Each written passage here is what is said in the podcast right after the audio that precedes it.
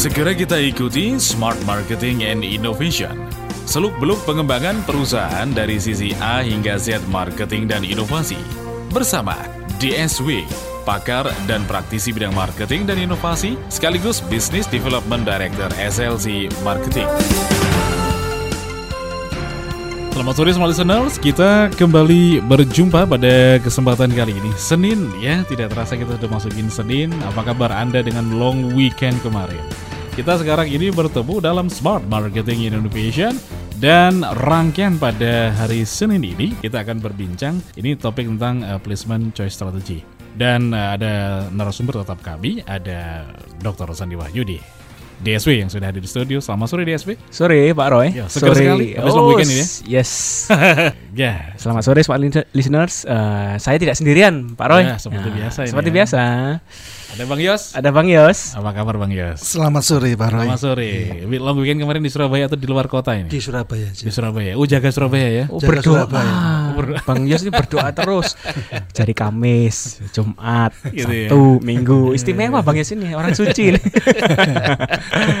Baik, semua listeners Anda merasakan mungkin di long weekend kemarin ya dalam seminggu kemarin lah kalau Anda mungkin akan eh, bepergian ke mana pesan tiket pesawat, tiket kereta bahkan ya ini luar biasa crowded. Crowded Ya, ya, luar jalan biasa tol macet. transportasi luar biasa diburu pada eh, long weekend kemarin itu sehingga menyebabkan mungkin banyak ya bisa yang tertunda. Tidak jauh dengan transportasi, kita akan eh, arahkan ke sana mungkin ya selama ini mungkin ada banyak aspek transportasi dalam bisnis yang kurang begitu diperhatikan atau mungkin selama ini Anda sudah memperhatikan tapi tidak tahu ya ternyata kok ya masih kurang efektif juga, kurang maksimal juga dan sebagainya. Ya. Ini mungkin ya gambarannya ya DSW ya yang Yes. akan kita bahas kali ini. Saya akan lemparkan dulu ini pada DSW dan juga Bang Yos untuk membukanya. Silakan. Oke, sebelum kita buka kita sapa dulu smart listeners Bang Yos ya dengan Ya, dengan salam kebesaran kita nih. Salam. Satu, dua, Dua, tiga. tiga.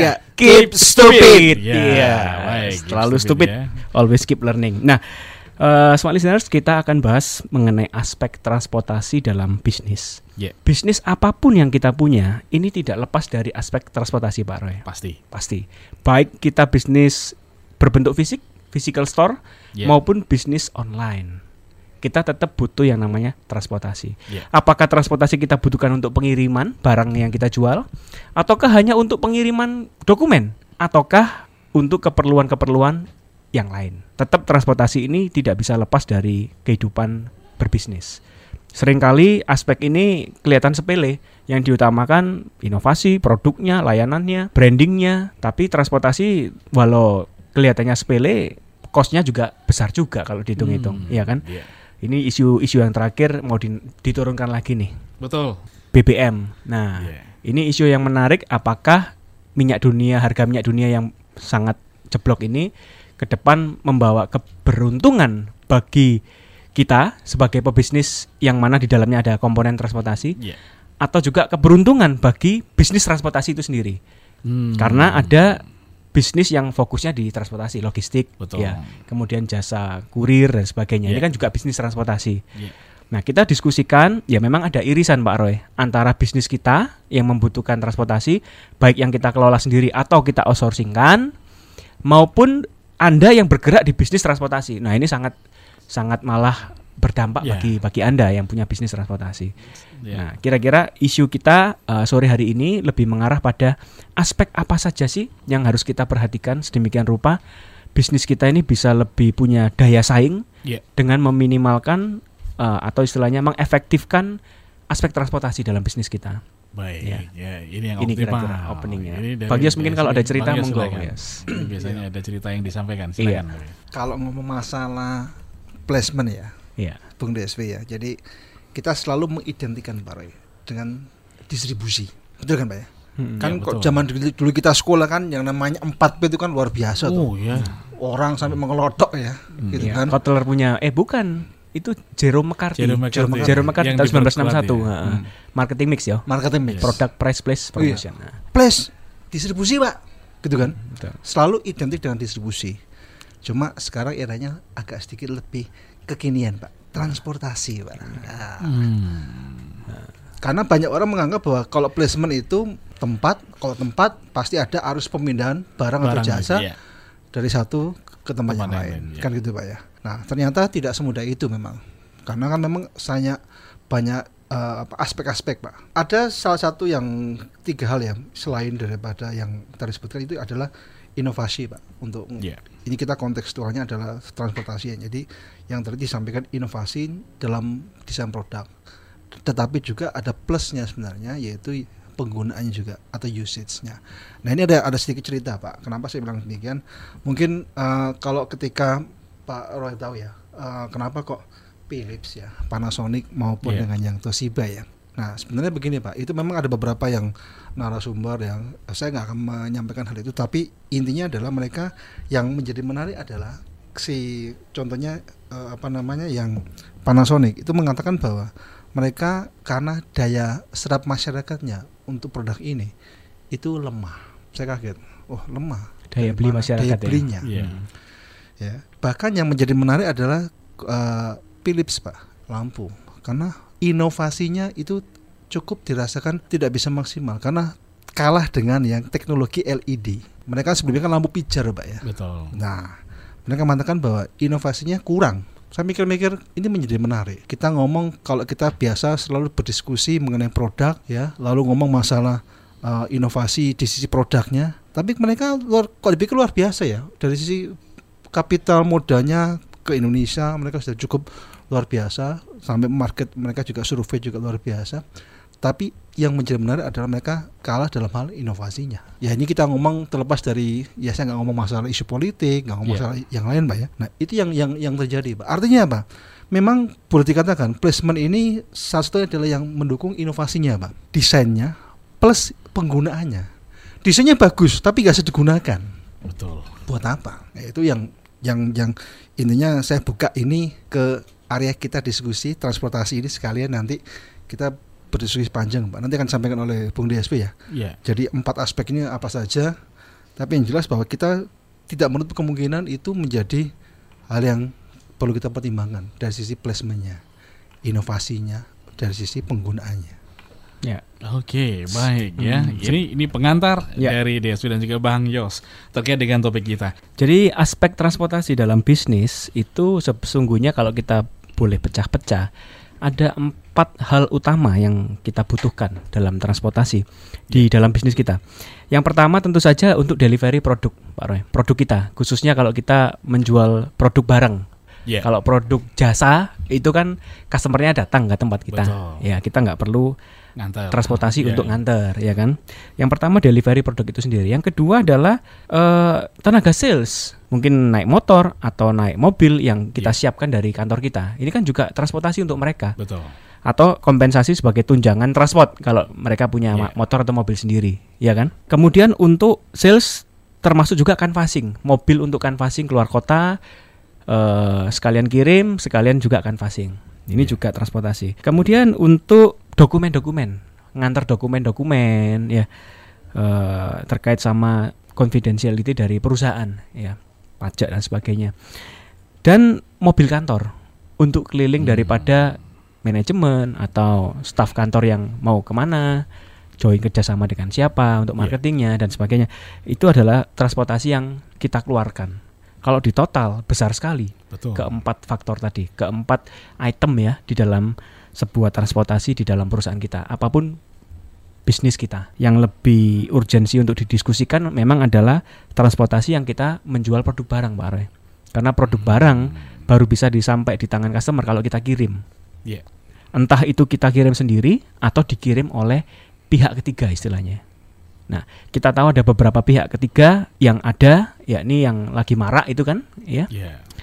Kalau di Jakarta hijau yang marak, Betul. kalau di Surabaya ini kuning. Kuning. Nah, saya sapa ini pasti kita didengar oleh Pak Yosef karena dia janji streaming kan ke seluruh timnya. Hmm. Selamat sore Pak Yosef, eh, owner dari Cak Transport. Transport. Ya, eh, yang mana bagi smart listener sekalian yang membutuhkan jasa pihak ketiga untuk mengirim dokumen delivery produk bisa kontak Cak Transport. Nah, Cak Transport ya. saya saya promosikan boleh ya Pak Roy ya. Boleh, Ini teman silakan. baik soalnya Pak Ya. Yosef nih. Selamat sore Pak. Nah kemudian itu aspek transportasi yang sifatnya bisa kita tanda kutip outsourcing kan atau istilahnya dilempar ke pihak ketiga atau kirim sendiri. Kita akan lebih fokuskan Pak Roy untuk yang kirim sendiri. Iya. Ya, yang kita kirim sendiri. Otomatis kita perlu beberapa hal yang lebih detail karena kita harus punya dana khusus, budget khusus untuk transportasi yang kita kelola sendiri. Ya. Nah, sebelum ke sana, monggo Pak Roy mau buka ini interaktif Smart FM. Iya. Baik Kalau ada ya. yang mau tanya-tanya. Kalau ada yang ingin bergabung ya untuk eh, krunya Pak Yosef mungkin juga mau tanya atau Pak Yosef juga mau bergabung ingin bertanya langsung dengan DSW dan juga Bang Yos pada kesempatan kali ini silahkan tadi sudah diungkap tentang empat hal utama kemudian di garis bawahi ya, bagaimana tadi yang eh, pentingnya di mana oleh DSW dan kita lanjutkan berbincang eh, tentang topik kita tentang transportation aspect Oke. luar biasa banyak ternyata yang harus diperhatikan ini ya Ya. Saya lanjutkan boleh Pak Boleh, Roy? silakan. Sambil kita tunggu eh, smart listener sekalian. Pak Roy pernah lihat nggak semangka kotak? pernah Semangka kotak ya. ya Kenapa orang Jepang mengembangkan sedemikian semangka berbentuk dari kotak? gitu ya karena mudah di packing Mudah di packing. Kalau bulat gitu kan bisa jadi satu bak misalnya pickup gitu ya. Ada rongga. Betul, rongganya juga ada dan itu kalau di total rongganya ternyata bisa untuk berapa puluh Betul. semangka. Nah, itulah inovasi innovation in product design. Ya, Inovasi di desain produknya. Kita ngomong orang marketing kan harus inovasi terus produk ya. betul. Tapi jangan lupakan inovasinya, lupakan aspek transportasi di dalam mau melakukan inovasi. Ya. Oh, yang penting inovasiku iso nggak lebih murah. Yang penting iso lebih edit value-nya lebih bagus kepada packaging. customer. Packagingnya lebih cantik. Tapi lupa ini kalau di transportasi deliverynya bisa tahan lama nggak? Ada tempat yang bisa kita maksimalkan nggak? Katakan kita punya mobil L300 satu truk gitu ya. Iya. Bok, ini bisa muat berapa nih? Kalau desain produk kayak kayak gini sisa ruang rongganya nggak? Wah ini sia-sia nih. Semangka buntur ngelundung nggak? Nah, betul sekali. Ini Pak Roy. Jadi orang marketing ini sering kali lupa aspek transportasinya. Makanya kalau ada jasa pihak ketiga, contohnya tadi saya sebut Cak Transport, bisa memfasilitasi beragam macam produk. Yang frozen bisa, yang bundar bisa dan lain sebagainya. Ini otomatis daya saing kita lebih meningkat. Hmm. Pun pula juga bagi pebisnis yang non transportasi bisnisnya ya, bisnis Iya. apa pun, jangan lupakan ini. Ada pula Pak Roy yang susah di delivery. Produk apa kira-kira selain semangka yang bundar tadi, yang susah di delivery? Apa pak ya? Wow, yang paling sering itu furniture. Oh furniture ya. Modelnya kan lekuk Betul. lekuknya. Nah. Ukir dan sebagainya. Oh iya, makanya di knockdown aja udah. Di Hmm. knockdown kemudian kan di packing dalam bentuk kotak tuh. Iya. Wow, wah, maksimal tuh. Betul. tonase daripada mobil yang untuk kiriman bisa dimaksimalkan karena berbentuk packagingnya kan karton kotak-kotak. Bayangkan kalau itu sudah di setting kemudian dia angkut ke, ke atas truk gitu ya. Paling cuma muat berapa biji doang gitu. Betul. Mahal biaya transportnya. Belum lagi yang beli ini ditaruh di tingkat dua, kemudian tangganya Istimewa, ya. tangga spiral lagi. Kecuali kalau memang Pak Roy, ya betul. Kecuali kalau memang segmennya high class. Betul. Dia inginnya benar-benar sudah siap untuk Ya. diletakkan. Dan itu mukulnya bisa dua pak ya Nah, untuk harganya impact mahal. ke impact ke kita kalau sebagai businessman ya itu impactnya kan after sales service juga akan muncul di saat Betul. yang servis untuk rakitnya ya. Betul. Ngerakitnya biasanya bagus, kemudian orangnya ini wah cepekatan dan sebagainya, customize-nya bagus, bisa nambah untuk orang bisa rekomend. Betul. Dan waktu dikirim itu kan kelihatan di atas truk tuh. Pasti kan Iya. bak terbuka kalau sudah di Betul. set, set up ya furniture. Sekalian dilihatkan ini model tipe terbaru kami ada yang beli. Iya. Nah, orang bisa lihat, oh bagus ya Iya. karena sudah di, di set up. Betul.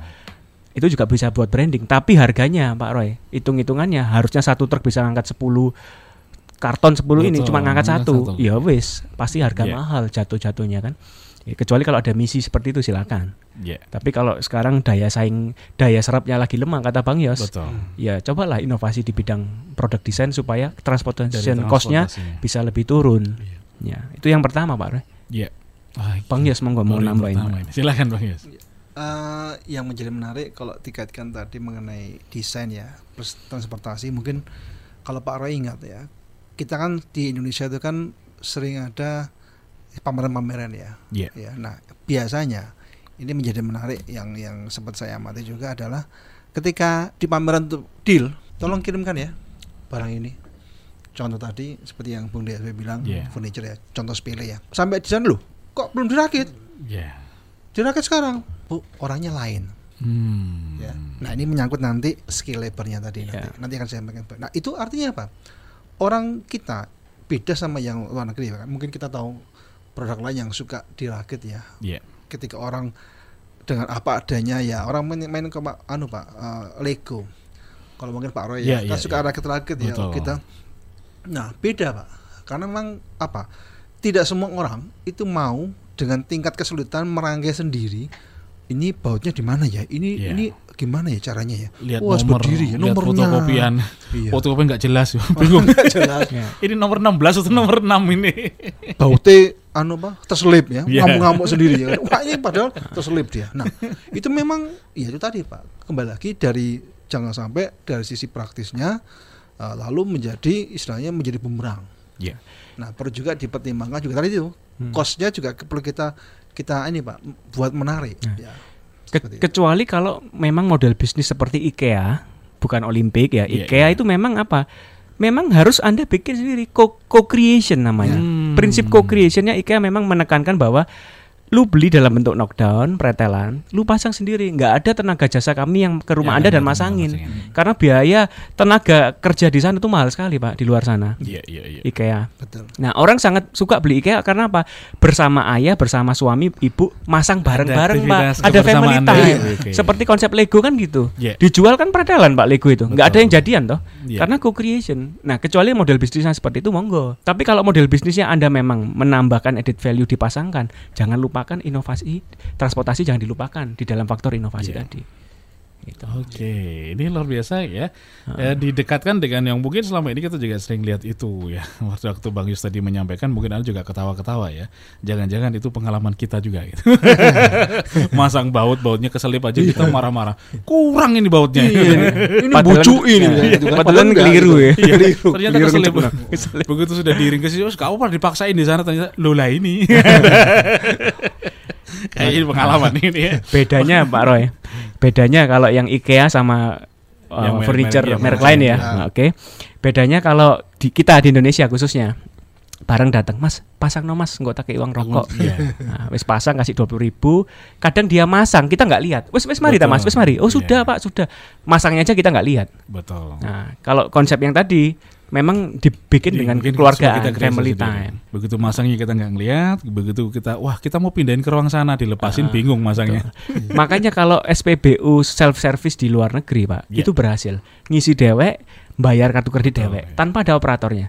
Nah, kalau SPBU di Indonesia boro-boro turun, Pak. Paling lewat jendela. Mbak Betul. penuh ya, Mbak. Wes setelah mari kartu kredit dikasih lewat jendela. Iya. Sudah. Nggak turun san- satu pun nggak turun. Tulisan mesin dimatikan, mesin nyala. Masih nyala. Masih nyala. Masih pa- Mainan handphone. betul betul Iya. ini ini memang harus hati-hati perilaku uh, masyarakat di Indonesia dengan inovasi-inovasi kita kadang kebablasan, Pak. Betul. Banyak Oh, excuse juga ya. Banyak apa itu inovasi dari luar, Pak, dibawa mentah-mentah ke Indonesia, mati semua, Pak. Iya. Karena kita harus tahu kontekstual perilaku masyarakat Betul. kita. Kita juga Orang masih- Jakarta Surabaya aja, pasti beda, Betul. apalagi dari luar negeri. Makanya kontak SLC marketing, Mbak. siap. Kalau mau inovasi di Surabaya. Ya, paling tidak supaya mengenali ya Iya. karakter konsumen di Surabaya itu kayak gimana. Siap. Tadi aspek kedua sudah disinggung Bang Yos, Pak Roy, Ya. yakni availability of skilled labor. Jadi ketersediaan tenaga kerja yang terlatih terampil ya. Ada tambahan dari saya terkait dari cara mereka melayani. Kalau tadi kan dari cara mereka secara kompetensi skill hard skillnya bisa masang nggak, bisa bantu untuk install nggak dan sebagainya. Iya. Ya. Tapi dari cara pelayanan juga sangat perlu diperhatikan, Pak Roy. Dari grooming, bau Hmm, badan, Iya. tampilan, semeringah wajahnya untuk senyum, kemudian nggak kumus-kumus. Ini juga penting membangun citra diri dari perusahaan. Karena sesungguhnya yang namanya customer kadang nggak bersentuhan langsung dengan perusahaan. Yo lewat kurir iki. Iya betul. Ya yo lewat tenaga kerja sing ngirim ini. Nah, jadi perlu diperhatikan juga cara dia menyapa customer. Tata bahasa yang digunakan bukan bahasa Surabayaan.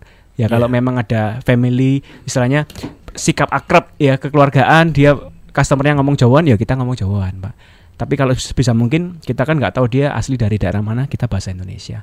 Nah, ini membangun apa namanya?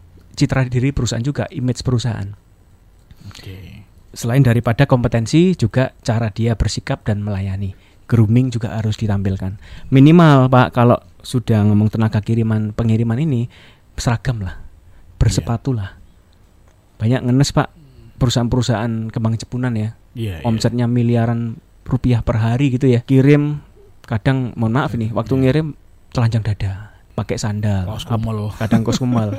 ya ini kan juga jangan sampai kita kalah bersaing lah. Era Iya. MEA ini nanti kita bisa kalah dari sisi itu murah lah untuk menyeragamkan memberi sepatu tapi kan citra diri langsung meningkat Betul. itu yang kedua Pak Pak Roy yang ketiga aspek yang ketiga yang pertama tadi kan innovation in product design yang kedua availability of skilled labor yang ketiga adalah market access atau akses pasar Iya. nah inovasi yang kita lakukan khususnya terkait transportasi itu harus disiapkan juga ini akses pasarnya ada atau tidak. Akses pasar yang paling mudah, yang paling konkret adalah kelas golongan jalan, Pak Roy. Ya, kelas golongan jalan.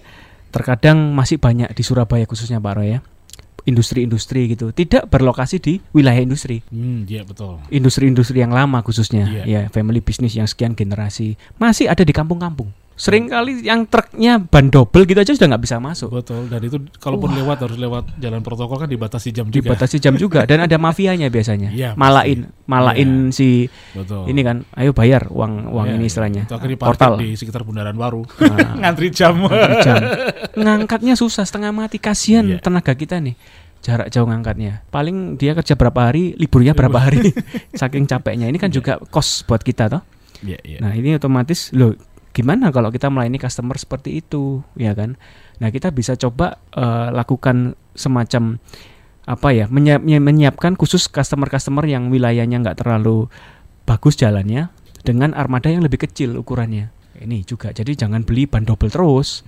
Sesekali lah beli gitu ya. motor becak roda tiga misal. Iya. Bisa masuk sampai kampung-kampung kan gitu.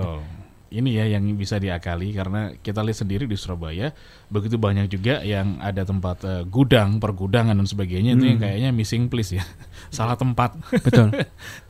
Karena peruntukannya memang Betul. dia memang di awal kecil lambah besar lambah besar Betul. tapi nggak ngalih-ngalih pak, ya, nggak pindah-pindah ke kasihan, karena mungkin asetnya waduh terlanjur enak di Ya, sini gitu ya. bukan rezekinya di situ. Oh, rezekinya iya, ya. kepercayaan orang kuno wis ngerejekeni, angel ninggal pak. Dan akhirnya itu tadi kendalanya adalah pada waktu mobil Transportasi masuk dan akses, sebagainya ya. akses itu yang paling konkret ya. Kemudian juga mengenai kalau kita mau lempar luar pulau, kalau kita mau lempar luar negeri misal. Iya. Nah ini juga perlu diperhatikan sisi aspek transportasi yang pasti mahal. Oh Hmm. saya segmen pasarnya luar pulau misal. Nah jangan lupakan biaya komponen transportasi ini kadang lebih besar ketimbang produk itu sendiri. Betul. Ini juga harus di sisi ininya harus Iya. diperhatikan juga akses pasarnya. Nah, kemudian juga kepastian alamat, Pak. Seringkali kalau teman-teman ngomong khususnya yang menggunakan jasa pihak ketiga ya, kasihan nih, kasihan pihak ketiganya, yo kasihan yang pebisnis yang online juga. Karena apa? Memang kan apa itu cash on delivery Ke- kebanyakan nggak mau COD. transfer dulu COD Iya. ya cash on delivery setelah diantar eh ternyata nggak ada wujudnya pak salah alamat penipuan dan sebagainya Iya. ini jangan sampai akses pasar ini kita lupakan. Hmm, Ya. hmm. Kata, kenapa masuk kategori aks- akses pasar? Karena ini terkait sama target segmen kita siapa, bisa nggak kita jangkau mereka dengan biaya yang semurah mungkin dari sisi transportasinya. Baik ya. Gitu. Ini beberapa hal sudah ada tiga aspek ya yang bisa disinggung. Tiga aspek. Aspek yang terakhir adalah tentu saja transportation cost, biaya yang akan timbul. Iya. Ya, kalau tadi kan desain produknya, yang kedua adalah tenaga kerjanya, kompetensi dan kapabilitas untuk pelayanan, yang ketiga adalah akses pasarnya, yang keempat adalah biaya itu sendiri, Pak Roy. Iya. Nah, di mana biaya ini terkait daripada mobil itu sendiri. Beli mobil itu aset, Betul. ya kan? Juga perlu perawatan, ganti Iya, oli, maintenance, ya. maintenance kan. Kemudian bahan bakar minyak, BBM-nya juga. Kemudian pajak tahunannya, BPKB-nya. Kemudian juga biaya parkir, biaya tol, biaya tenaga kerja sendiri. Itu semua komponen yang harus kita perhitungkan. Iya. Coba nih dihitung-hitung, eh lebih murah jasa pihak ketiga. Bisa kontak jasa pihak ketiga. Jasa pihak ketiga, ya. Pak. Yosep. Baik, sudah yang bergabung di line telepon kita akan tampung ya. Halo, selamat sore. Ya selamat sore, Dengan Bapak saya dengan Yosep. Pak Yosep. Istimewa Pak Yosep ini ya. dari Cak Transport ini. Tadi saya tuh kayak Nerawang loh, ini kayaknya Pak Yosep gitu ya. Bener ya? Silakan Pak Yosep. Eh, saya eh, bertanya dalam dua kacamata pandang. Saya Istimewa. sebagai eh, pelaku bisnis yang membutuhkan transportasi. Yes, Pak. Yang kedua, saya sebagai pengusaha transportasi. Siap, Pak. Nah, saya dari sisi pengusaha transport, pengusaha yang membutuhkan transportasi ya. Pertanyaan saya begini, Eh, pada kisaran harga berapa persen sih Pak? Mm-mm. Kami selaku pengusaha ini menetapkan harga transportasi yang pas gitu ya. Mm-mm.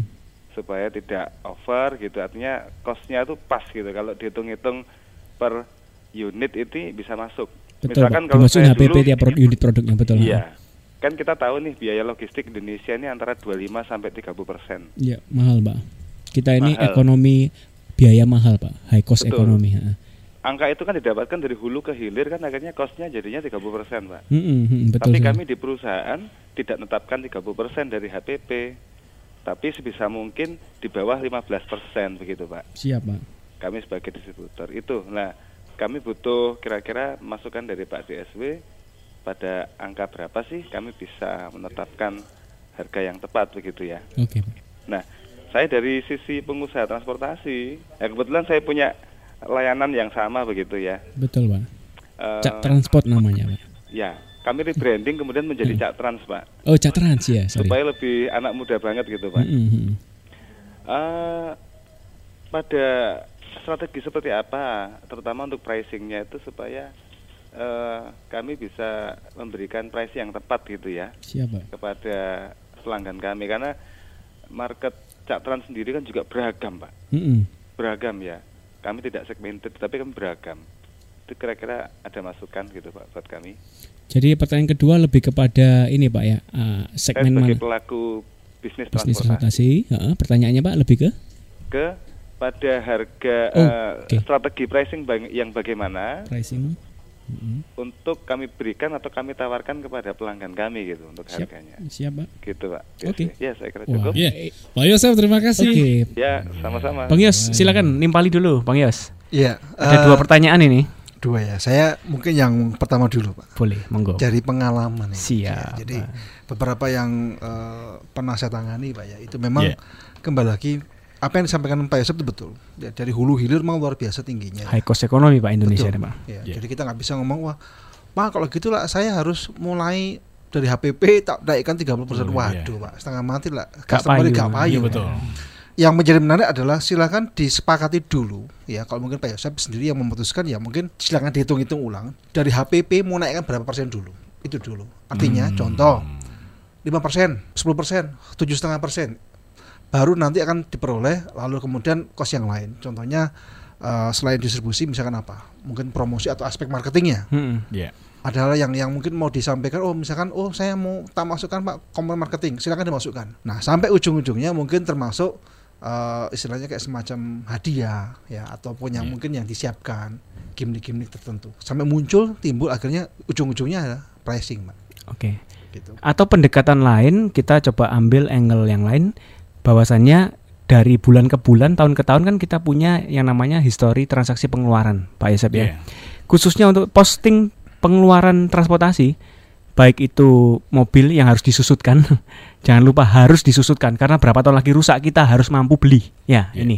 Kemudian juga tahunan pajak, tahunan kendaraan, BBM dan sebagainya, maintenance itu semua coba dilihat trans- transaksi peng- posting pengeluaran dari bulan ke bulan tahun ke tahun rata-rata tiap bulan itu berapa? Dibanding dengan omset Anda. Dibanding dengan istilahnya eh, sales revenue. Nah, coba dilihat berapa persen sih pengeluaran daripada transportation cost total tadi yang termasuk disusutkan kendaraannya dibanding sales revenue. Nah, dari sana kita tahu persentasenya. Otomatis kita juga harus melakukan cost efisiensi terhadap transportasi. Contoh kita lihat, wah ini kalau kiriman ke Surabaya Utara, Selatan dijadikan satu ya otomatis bengkak BBM-nya.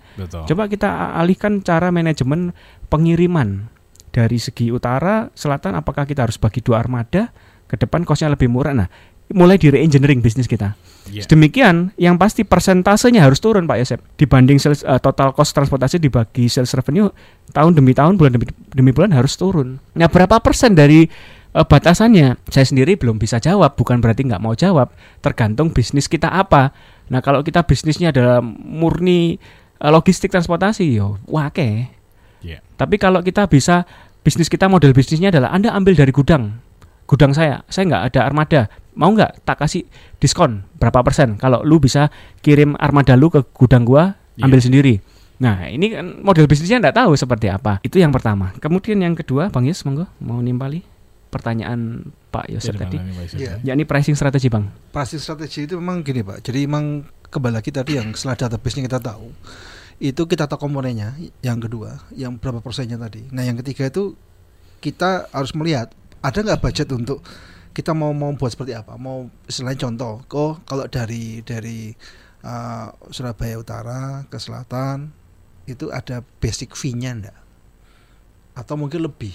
Iya. Ya, contoh misalkan fixed cost sama fixed variable cost. cost-nya. ya. Nah, Iya. itu itu dulu, Pak. Perlu disepakati ada nggak selama ini ya. Jika tidak ada, nah perlu dipertimbangkan tadi. Oh iya, iya, yang selama ini saya ngantarkan sampai Sidoarjo. Ini kok bengkak. Ternyata customerku kayak wong Sidoarjo misalnya. Iya. Nah, silakan itu juga dipertimbangkan. Oh, ini kok Surabaya Selatan yang paling banyak ya. Cuma Padahal saya tuh loh di Surabaya Surabaya Utara gitu. Utara misalkan ya tuh. Iya. Nah, ini placement choice-nya harus wah ini harus Iya. relokasi kelihatannya. Atau yang kedua, kita menggunakan hub Pak, atau pool ya. Kalau bahasa Iya, iya. bahasa saya Angkutan menggunakan itu, istilah iya, angkutan iya. pool ya. Mm-mm. Contoh jangan-jangan yang paling banyak penggunanya itu misalkan Surabaya Selatan misalnya. Nah, Iya. itu juga perlu kita kita kita lihati Pak seperti itu. Nah, pricing itu otomatis mengikuti tentunya. Yaitu Iya, jangan iya, sampai iya. nanti contoh kita punya setting eh, setting setting price yang menarik ternyata jaraknya ya ya nggak mendukung gitu loh. Semua itu kan ya yang Bung Desu katakan, lihatlah database dulu. Banyaknya saya itu me- menerima panggilan itu dari dari mana, tempat mana dulu. Contohnya tadi saya Betul. di Surabaya Utara, oh banyak teleponnya kok Surabaya Selatan misalnya seperti itu. Berarti pricingnya kita coba arahkan bagaimana lebih fokus Surabaya Selatan. Iya. Pasti kalau kita misal contoh ini Pak Roy, tempat kita di Surabaya Utara, Iya. ya kan? Kalau kiriman kita banyak yang di Surabaya Utara, ya sudah pricing strategi kita berdasarkan kiriman di daerah utara. Kalau ternyata banyak yang selatan, ada dua pilihan. Kita pricing strateginya berdasarkan harga dari Surabaya Utara ke selatan itu berapa. Iya. Jadi yang terjauh pun kita tercover gitu loh. Kalau ngirim yang utara kita surplus istilahnya. Iya. Sama-sama utaranya kan surplus ya kan. Betul. Nah, atau pilihan kedua adalah relokasi di Surabaya Selatan supaya mendekatkan dari gudang kita, tempat kita, pool kita kepada customer, Customer yang yang kita paling, paling- dominannya di paling sana. dominannya di sana. Iya. Atau kalau nggak relokasi, ya saatnya buka cabang. Kalau Iya. memang semua tempatnya potensi semua Istilahnya pool tadi. pool tadi. Makanya poolnya taksi biru itu kan di mana-mana tempat center daripada Iya. Jadi populasi calling, penduduk. Oh ini lokasinya yang sini ya, sini yang Betul. diambil gitu ya. Betul. Karena meringankan dari transportation cost dari Iya. sisi segi ininya kan. Nah, pricingnya tadi mungkin belum belum eh, apa ini tersentuh Belum tadi Bang tersentuh Yos. ya. Eh, khususnya untuk tep apa ini segmen ya Bang Yos ya? Segmen segmen. pelanggan mana yang harus dijangkau? Nah menurut kami Pak Yosep bahwasannya pricingnya tergantung lokasi tadi Bang Yos sudah sampaikan geographical pricing namanya ya. Juga kita harus pikirkan bagaimana pricing dari segi segmen. Nah kalau segmen korporasi yang kita layani otomatis kita garansinya bukan lagi cuman selamat datang dokumen Anda tapi juga aman, konfidensialnya terjaga dan ada apa-apa tanggung jawab penuh pihak Cak Trans yang, Yang menggantikan, mengganti rugikan. Iya. Ini mereka kadang nggak pikirkan biaya, biaya nomor dua. Yang penting dokumen saya selamat dan Iya. aman dan tidak ada orang yang baca kira-kira. Ini yang lebih diutamakan sehingga kita nggak terjebak price war terus, perang harga terus. Kalau kita di compare sama kompetitor, ya mesti ki- yang lebih Iya. besar lebih menang karena mereka Betul. punya HPP Ya, yang lebih murah. Iya. Tapi kita tekankan pada yang sisi yang lain. Ya, bisa servis dan sebagainya Hmm. tadi ya. Baik, ada ini lagi yang tambahkan Bang Yos? Eh, selain itu juga ada ini Pak, mungkin perlu dibuatkan semacam kerjasama dengan pihak korporasi Pak, semacam MOU untuk Mm-mm. dokumen. Lalu kan mungkin selama ini kan mungkin Pak eh, Roy tahu yang kalau contoh orang antar jemput ya, kan Iya. selain mobil nih pengen mobil tinggi misalkan, nah kan juga perlu diantisipasi ini. Wah ini kalau masuk Cak Trans masuk ke, ke korporasi untuk yang antar jemput gimana ya? Betul. Nanti kan menarik. Iya, iya, iya. Nah iya. itu juga memang setting price-nya memang nggak bisa. Oh per kilometer lima ribu nggak bisa. Betul. Gitu kan Iya. lihat dulu baik Kontrak kontraknya mungkin. Nah, seperti iya. apa. Ini pricing yang mungkin lebih tepat untuk segmen betul, tertentu ya Pak Yes ya. tertentu, ya. Di sisi lain, kalau saya lihat biasa sukanya mapping, Pak Roy. Contoh yang menyambung dari Bung DSW adalah Surabaya Utara. Itu paling jauh berapa kilo? Tinggal kita konversi ke, ke nilainya satu liter itu berapa sih sepeda motor normalnya. Bisa mencapainya Nah, berapa seperti itu. Ya. Tinggal kita hitungan tertentu. Oh iya ya, satu liter ini ternyata 20 kilo atau lebih misalkan. Kalau motornya ngirit banget, bisa-bisa 25 sampai 30. Nah, ini kan bisa kita konversi, Pak. Oh, berarti kayak gitu misalkan. Oh, radius yang contoh yang normal fee-nya 10.000, nah, lewat itu berbayar Pak tambahan. Misalkan Oke. seperti itu, Pak. Oke. Nah, jadi Baik. memang ini konsultasi yang sifatnya eh, spesifik, Pak Ya. Roy. Model bisnisnya juga harus kita pahami. Sebaiknya smart listener sekalian kalau memang ingin konsultasi lebih lanjut bisa kontak SLC Marketing. Karena Ya, lewat udara gini kadang kan betul. sepatah-patah nggak Ya. nggak bisa komplit ya. Atau mungkin datanya akan Atau- lebih enak kan gitu ya. Betul. Atau Anda bisa kontak saya Japri jalur Ya, pribadi. silakan. Email saya di sandi at slcmarketinginc.com S Sierra Alpha Nano Delta Yankee Ya. Sandi at slcmarketinginc.com. Nah silakan, ya. Eh, kan saya pasti balas tapi nggak nggak langsung detik itu juga Betul, ya. ya. Saya butuh waktu untuk mencerna juga. Baik, Iya, iya. luar Oke. biasa sekali Pak Yosef. Oke. Semoga paling tidak tadi ada banyak sekali hal yang sudah disampaikan oleh eh, Bang Jason juga DSW. Iya. Ini bisa menginspirasi banyak hal tadi. Mitra bisnis, jika Anda merasakan manfaat luar biasa dari seri Marketing Innovation Lesson ini dan ingin mendapatkan versi lengkap yang sudah disusun per judul berupa CD maupun podcast, sedemikian bisa dipelajari lebih mendalam, silakan kunjungi website kami di www.slcmarketinginc.com atau ke Shopee official store kami di SLC Marketing. Anda bisa mendapatkan harga spesial dari kami. Ikuti terus knowledge sharing dari kami. Saya DSW Dr. Sandi Wayudi, Presiden SLC Marketing Inc., founder of Connectpedia. Sukses untuk kita semua.